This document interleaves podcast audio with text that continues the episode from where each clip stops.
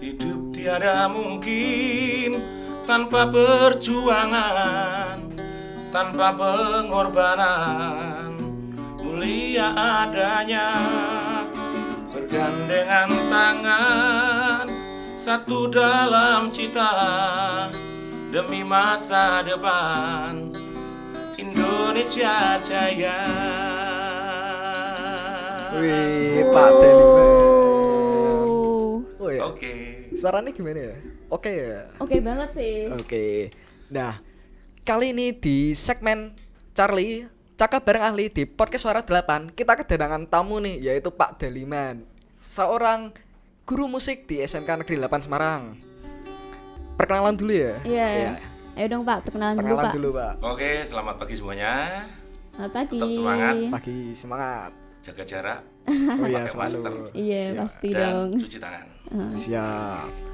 Saya memperkenalkan diri saya, nama saya asli dari pemberian orang tua dari desa Deliman. Kemudian saya dilahirkan di Wonogiri 1 Juni 1964, bekerja sebagai seorang guru musik. Dulu di SMA Masai 1, sekarang mulai tahun 2015 di SMK 8 Semarang Idola. Oh, sekolah kita nih. Sekolah kita. Nah, ini kan Pak Deliman ini kan udah terkenal banget jago bermusik sama vokal nih. Apa sih alat musik yang Pak Deliman pro banget? Itu apa aja, Pak? Eh, kalau alat musik yang saya suka adalah satu alat musik tiup saksofon, yang kedua adalah gitar. Eh, karena kenapa? Ya kalau gitar itu jelas karena dari kecil saya dari SLTA belajar gitar, kemudian kuliah saya pengen mencari alat musik yang orang lain tidak banyak bisa, sehingga saingannya tidak banyak. gitu ditanya. Oh iya iya iya iya, iya. Untuk cari uang gampang gitu loh maksudnya. Oh, iya. karena saingannya tidak banyak itu. Nah, ngomongin gitar nih Pak. Dulu kisah pertama dengan gitar tuh kayak gimana Pak? Awal Aduh. ketemunya dulu. Ya, kalau waktu SLTA, saya di SPG Kristen Salatiga itu kan orang tua seorang petani yang ekonominya sebetulnya ekonomi lemah gitu, orang tua saya. Jadi saya mau belikan gitar, saya ambil jurusan bahasa dan seni, tetapi kelas 2 baru dibelikan gitar. Karena apa? Dia bilang gini, bahasa Jawanya gini. Sok nek gelem nukoki gitar tapi sok nek panen kacang lemaringan. Artinya gini Bapak saya, aku mau belikan kamu kalau nanti orang tua pas panen saat musim setelah musim tanam hujan itu kan tanam kacang setelah itu panen nah itu diberikan Oh. gitar jadi Berarti- orang nggak seperti anak sekarang kan minta beli Eh, Ya. lah saya hampir satu tahun baru Nunggu dulu. nunggu gitu. Waduh, itu perjuangan banget sih. Oh iya iya iya. Nah, kok bisa sampai termotivasi itu gimana, Pak? saya dari kecil senang nyanyi senang musik dari kecil kelas 2 SD saya nari nari Jawa kemudian kelas 3 saya belajar musik tradisi gamelan nah so- si teman-teman saya itu satu desa itu kemudian saya ditunjuk jadi tukang kendang kendang itu tukang mengatur irama leadernya Oh. di gamelan itu kendang kemudian SMP saya reokan wah reokan anak-anak SMP kan karnaval 17 itu kan wah Iya, iya, gitu. iya. Meriah, sangat iya. meriah. Nah, setelah saya pengen SMA enggak boleh, saya harus orang tua saya, kue kudu jadi guru, enggak jadi guru harus sekolah. Artinya kamu harus jadi guru, sekolahkan di Salatiga saya. Jadi itu umur 15 tahun, iya dah.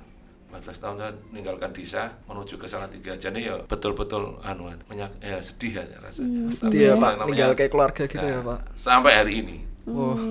udah meninggalkan terus terus ke Semarang, Salatiga Semarang. Begitu. Eh, Terus Pak, Bapak itu awalnya masuk ke dunia musik itu tuh karena emang ada bakat dari orang tua atau emang Bapak latihan sendiri gitu? Jadi bakat itu dari kecil sebetulnya. Jadi saya saya ditempa oleh alam. Orang tua saya tidak tahu bahwa saya itu senang seni. Jadi dominan ke seninya. Tapi orang tua saya kan menghendaki kowe itu dari dari guru SD, nanti pegawai negeri terus hidupnya enak di desa gitu. Iya, iya. Nah, saya kan tidak bisa.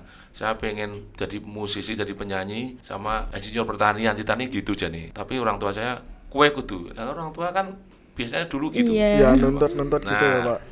Terus saya dari Salatiga, kemudian saya di SPG sana, saya mengumpulkan teman-teman sing iso gamel yang dari desa-desa dari seluruh Indonesia itu ada. Nah, saya mendirikan grup gamelan terus kelas 2 saya diajak vokal grup. Kalau tiga saya pegang gitar dan pegang bungu. Oh. Bukan kendang kan gampang. Iya, iya, iya. Nah, di situ awalnya saya mulai menemukan jati diri saya bahwa saya memang di musik tidak bisa selain musik. Itu pernah ikut konser-konser atau audisi nggak pak? Kalau kompetisi vokal grup salah tiga juara satu kota salah tiga sama juara dua. Kalau nyanyi tunggal belum karena Oh. paling ya pertama kali lagunya ini kan. Gimana itu pak? Musim kian berganti musim Kembali sejarah mencatat kejayaanmu Borobudur candi yang paling termegah antara tujuh keanehan dunia Nah itu lagu saya yang terkesan judulnya Borobudur Pemirsa semuanya yang lahirnya tahun 80-an pasti tahu Oh 80 udah lama Ya, banget. makanya, eh, tapi lagunya bagus sekali menginspirasi bahwa Borobudur peninggalan nenek moyang kita yang harus kita lestarikan. Oh itu harus sih pak. Sampai masa depan tuh harus dilestarikan. Betul. Begitu ceritanya. Jadi saya mengawali berkecimpung di musik itu dari Salatiga, dari SPG. Kemudian saya kuliah D3 Seni Musik IKIP Semarang. Ikip ya pak. Ya, menemukan guru vokal yang betul-betul dia melatih saya jadi seorang vokalis. Itu tahun kapan tuh pak? Tahun 85, kemudian sampai 88, 3 tahun Oh. kuliah Banyak saya. Kamu belum lahir itu. Iya, iya Pak, belum Pak. Jauh pak, jauh pak. Nah, setelah lulus, saya diminta di SMA Masai, Tanah Mas. Saya sudah tahu SMA Masai 1 itu terkenal sekali waktu di Salatiga itu adalah di TVRI dulu ada TV Yogyakarta, dia tampil di TVRI SMA Masai vokal grupnya bagus banget. Nah, saya masuk ditawar di Tanah Mas itu saya oke-oke saja. Cuma saya masuk kandang singa, singa sebenarnya. Lah kok bisa pak? Nah kan situ musiknya bagus banget. Iya. Nah saya kan dari desa baru lulusan terus itu kan Nggak percaya diri ya Pak ya. Ah, betul, ceritanya gitu. Tapi dengan semangat yang membara, saya tetap latihan setiap hari, latihan nyanyi gitar itu. Saya untuk mengalahkan anak-anak karena kan di kelas kan kalau sing musik kan nyanyi lagu ini, nyanyi lagu ini. Iya, iya, SMA iya, itu iya. kan Ah. seperti itu minta Nah, tantangan saya seperti itu. Hmm, terus nih Pak, kan Pak Deliman ini jago banget vokalnya nih. Nah, pernah ikut lomba apa aja Pak? Oh, setelah saya D3 lulus, kemudian uh, di tahun 93 saya belajar vokal terus di Chandra Kirana, vokal klasik. Kemudian tahun 93 saya transfer KIP Semarang masih. Kemudian ada audisi untuk Pekan Seni Mahasiswa Indonesia. Saya diseleksi juara satu IKIP. Kemudian tingkat Jawa Tengah antar mahasiswa Jawa Tengah di Unsut saya juara satu. Wih. Waduh, Kemudian berikutnya dikirim nasional di Bali seluruh Indonesia. Jadi Jawa Tengah timnya itu saya nyanyi klasik, UNS itu vokal grup, Unsut pop, Unisri pop laki-laki. Kemudian saya nyanyi tunggalnya tingkat nasional juara dua. waduh, Wah. hebat banget. Pro pro pro pro pro dah pro. Ini mesti sehabis Bapak menang lomba terus nih, orang tuanya Bapak mesti langsung kayak bangga gitu ya Pak ya? Ya, akhirnya terus dia terbuka bahwa ternyata yang dulu anakku sing sering gembar-gembar neng omah gitu ternyata ada faedahnya gitu. Iya. gitu. Nah, terus nih Pak, kan Bapak kan sering banget ikut acara lomba nih, tapi kan Bapak juga udah pernah ngikutin lomba anak-anak kan. Nah, ini tuh yang menurut Bapak nih yang paling berkesan banget setelah ngikutin anak-anak lomba tuh gimana? Eh, yang pertama adalah saat saya ditugasi untuk melatih SMP 3 vokal grup. Jadi saya bawa kuartet anak-anak tingkat Jateng juara satu, kemudian tingkat nasional juara satu, dan saya pelatih terbaik nasional Waduh. tahun 2006. Wow. ya pak. Ya, kemudian tahun 2008 saya membawa SMA 1 ini Hmm, juara dua tingkat nasional di Bandung. Bandung. Ya, sekarang anaknya namanya Mita, sekarang udah di B, BI, BRI Jakarta. RI. Ya, dia jadi MC dan penyanyi terbaik BRI Jakarta. Oh. dari SMP SMA 1. Oh, iya, Kemudian iya. 2009 nah ini 2009 saya bawa nama sekolah saya SMA Masai dulu. Iya. eh, Evers 2N di Jogja. Saya pegang anak saya juara satu tingkat nasional atas nama Haning Tridora Utama. Masih inget ya? Iya iya iya iya. Oh iya Pak, ngomongin sekolah nih Pak, kan Pak Deliman pasti ada lah sekolah musik sendiri. Nah itu ceritain dong Pak, kayak gitu. Oh gini, iya. Jadi tahun 93, 94 sampai 98 saya kan di Obormas, sekolah Obormas Musik Semarang. Kemudian saya ngelatih, ngelatih terus itu dari anak yang nol belum bisa nyanyi sampai jadi penyanyi itu gimana? Itu riset saya di situ, riset.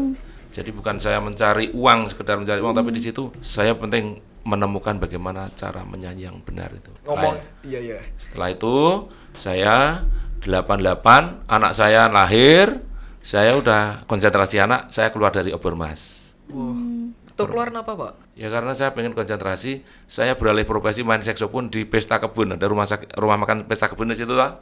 Oh iya, iya. Ah, kalau hari malam minggu sama hari Rabu saya di situ. Pengen mengembangkan yang lain. Oh. Sampai sekarang, Pak. Sekarang sudah tidak karena sudah waktunya sudah tidak ada.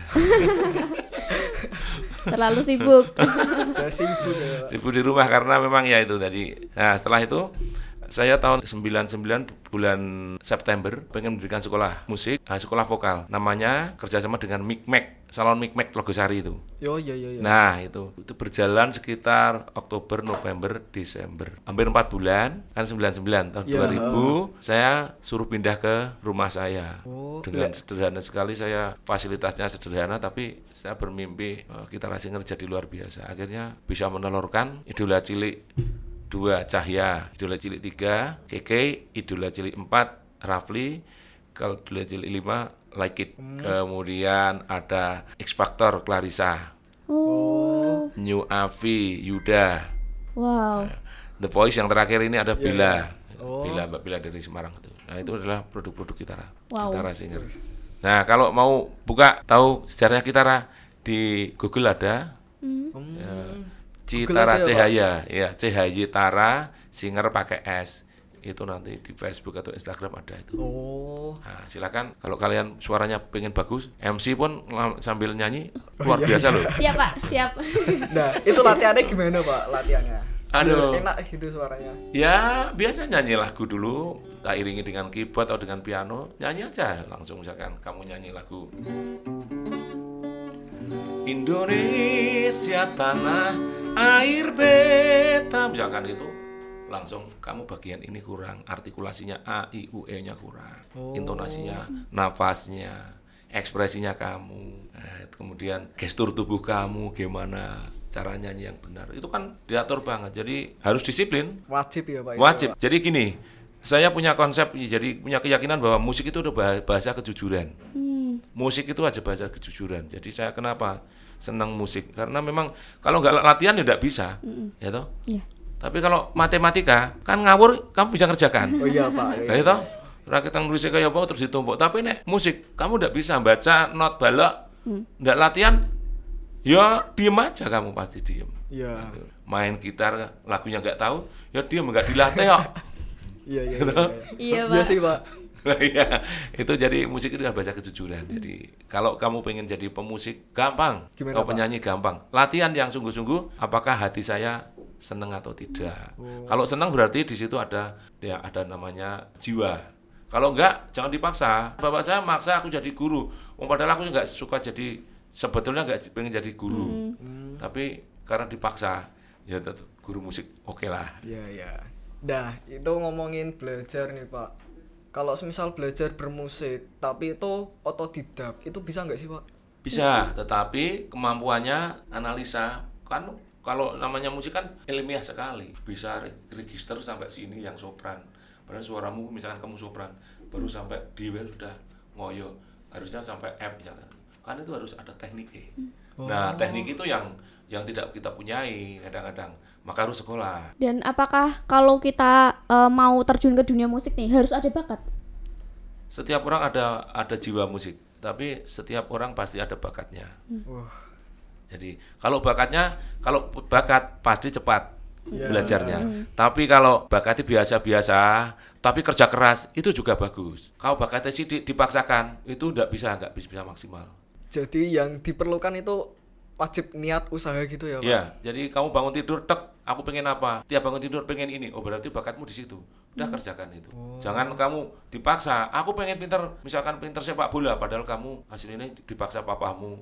Papa Epeh seneng bal-balan jenenge. Messi atau Ronaldo gitu kan karena Eben kan bisa bisa Iya, gitu kan iya. nah itu tapi anak saya namanya Kitara sanggar saya Kitara Oh, itu artinya apa, Pak? Kitara anak musik alat musik Jepang ya ya alat musik petik itu Kitara Hmm. Oh. Nah, tapi ya alhamdulillah puji Tuhan kok anak saya nitis. Artinya dia jurusan musik dan dia kemarin buka festival jazz di UI terbaik. Wah. Ya, namanya Kitara. Bermimpi aja sebetulnya. Bermimpi anakku sok nuruni aku. Lah nek anak saya nuruni sepak bola ngono kan delalae ora seneng bal-balan kan. Wis tak jenengke. Iya, iya, iya. Ronaldo misalkan. Nah itu jadi kalian semua bisa nyanyi itu gampang. Artinya gini, bisa senang apa tidak. Kalau senang kerja keras, latihan, napasnya pagi, siang, sore, udah jadi. Saya yakin karena aku punya kartunya. Artinya kartu trap untuk kamu jadi. Itu itu ceritanya gitu. Oh iya iya iya. Nah ini kan masuk masa pandemik ya pak. Nah itu semisal kita mau belajar bermusik tuh mulai dari mana pak? Soalnya kan juga di rumah nggak mungkin keluar-keluar juga pak, kumpul-kumpul gitu.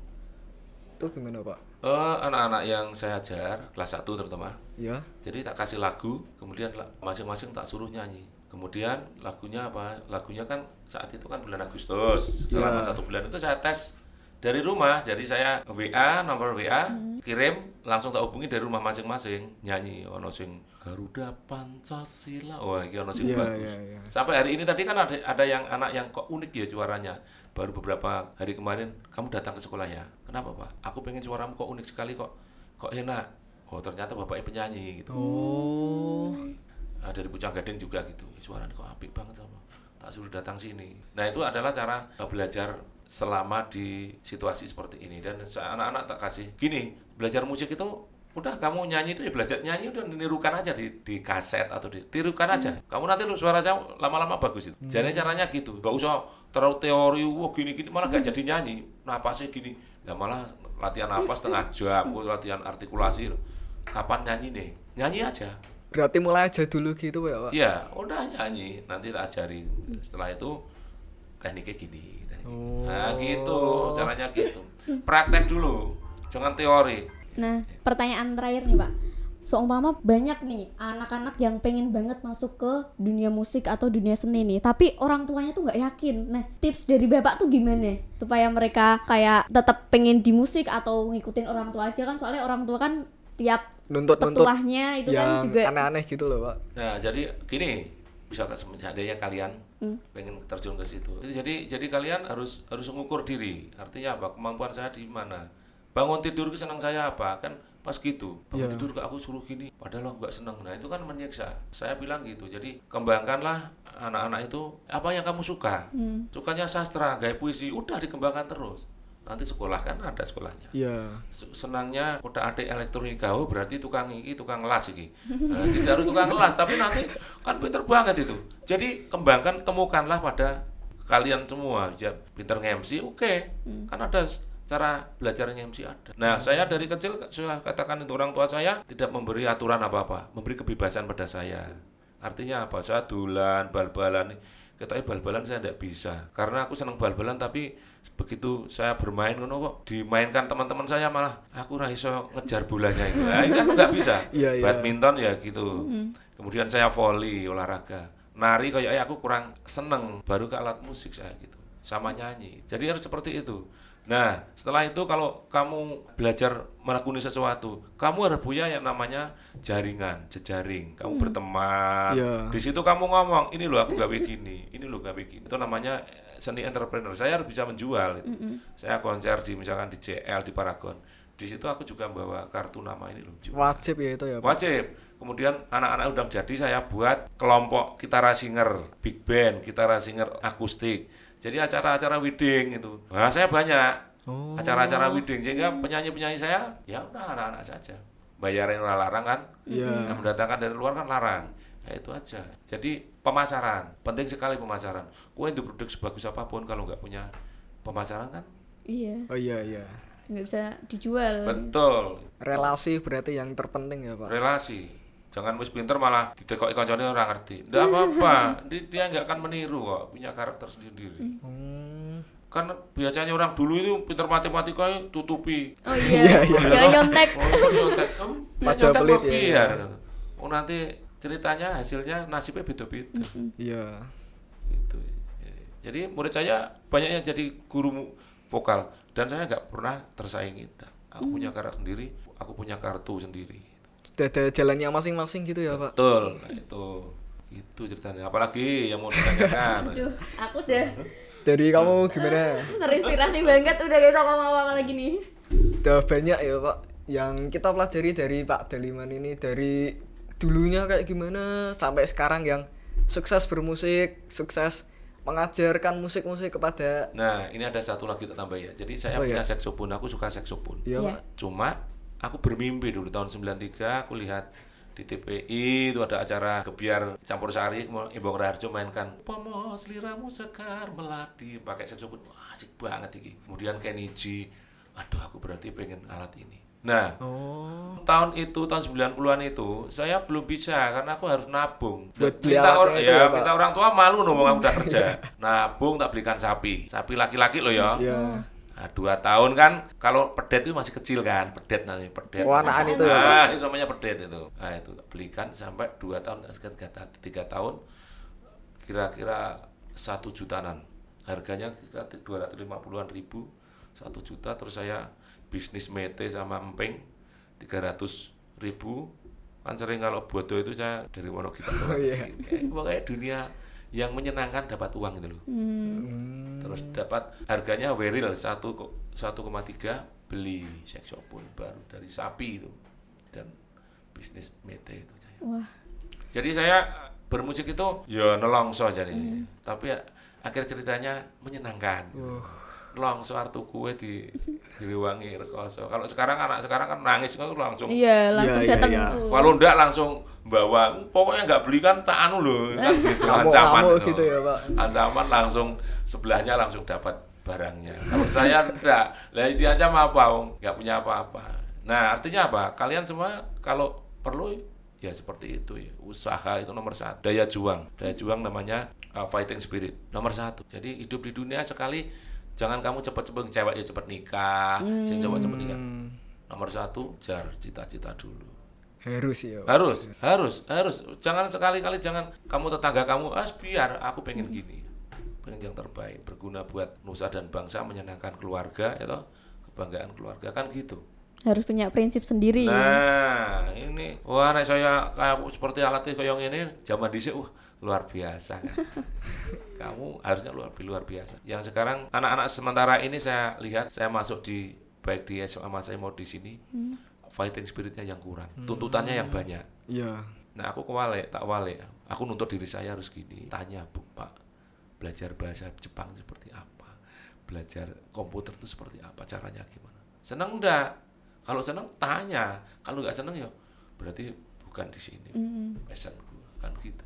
Nah, oke guys. Jadi kita kan sudah ngobrol banyak nih bareng Pak Daliman. Ada banyak hal yang kita dapetin dari Pak Daliman. Dari awalnya dulu Pak Daliman Bermusik. susah, susah, Susah sekali ya, Iya, susah susah. sekali. susah.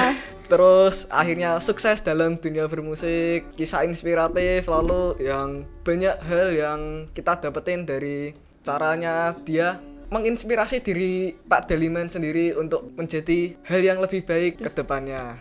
Ini menginspirasi banget ya teman-teman ya. Nah, yaudah nih, sebelum kita tutup nih, saya request dong Pak lagu apa gitu. Nyanyi-nyanyi gitu, Pak. Kayaknya lagunya jangan menyerah. Oh, boleh boleh. Boleh itu, Pak, boleh, boleh.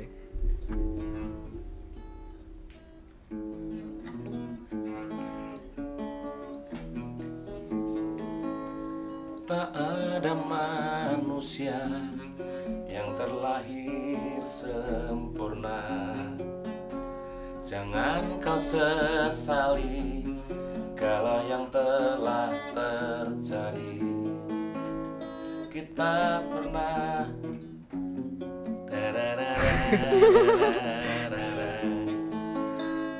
Dan hidup ini tak ada artinya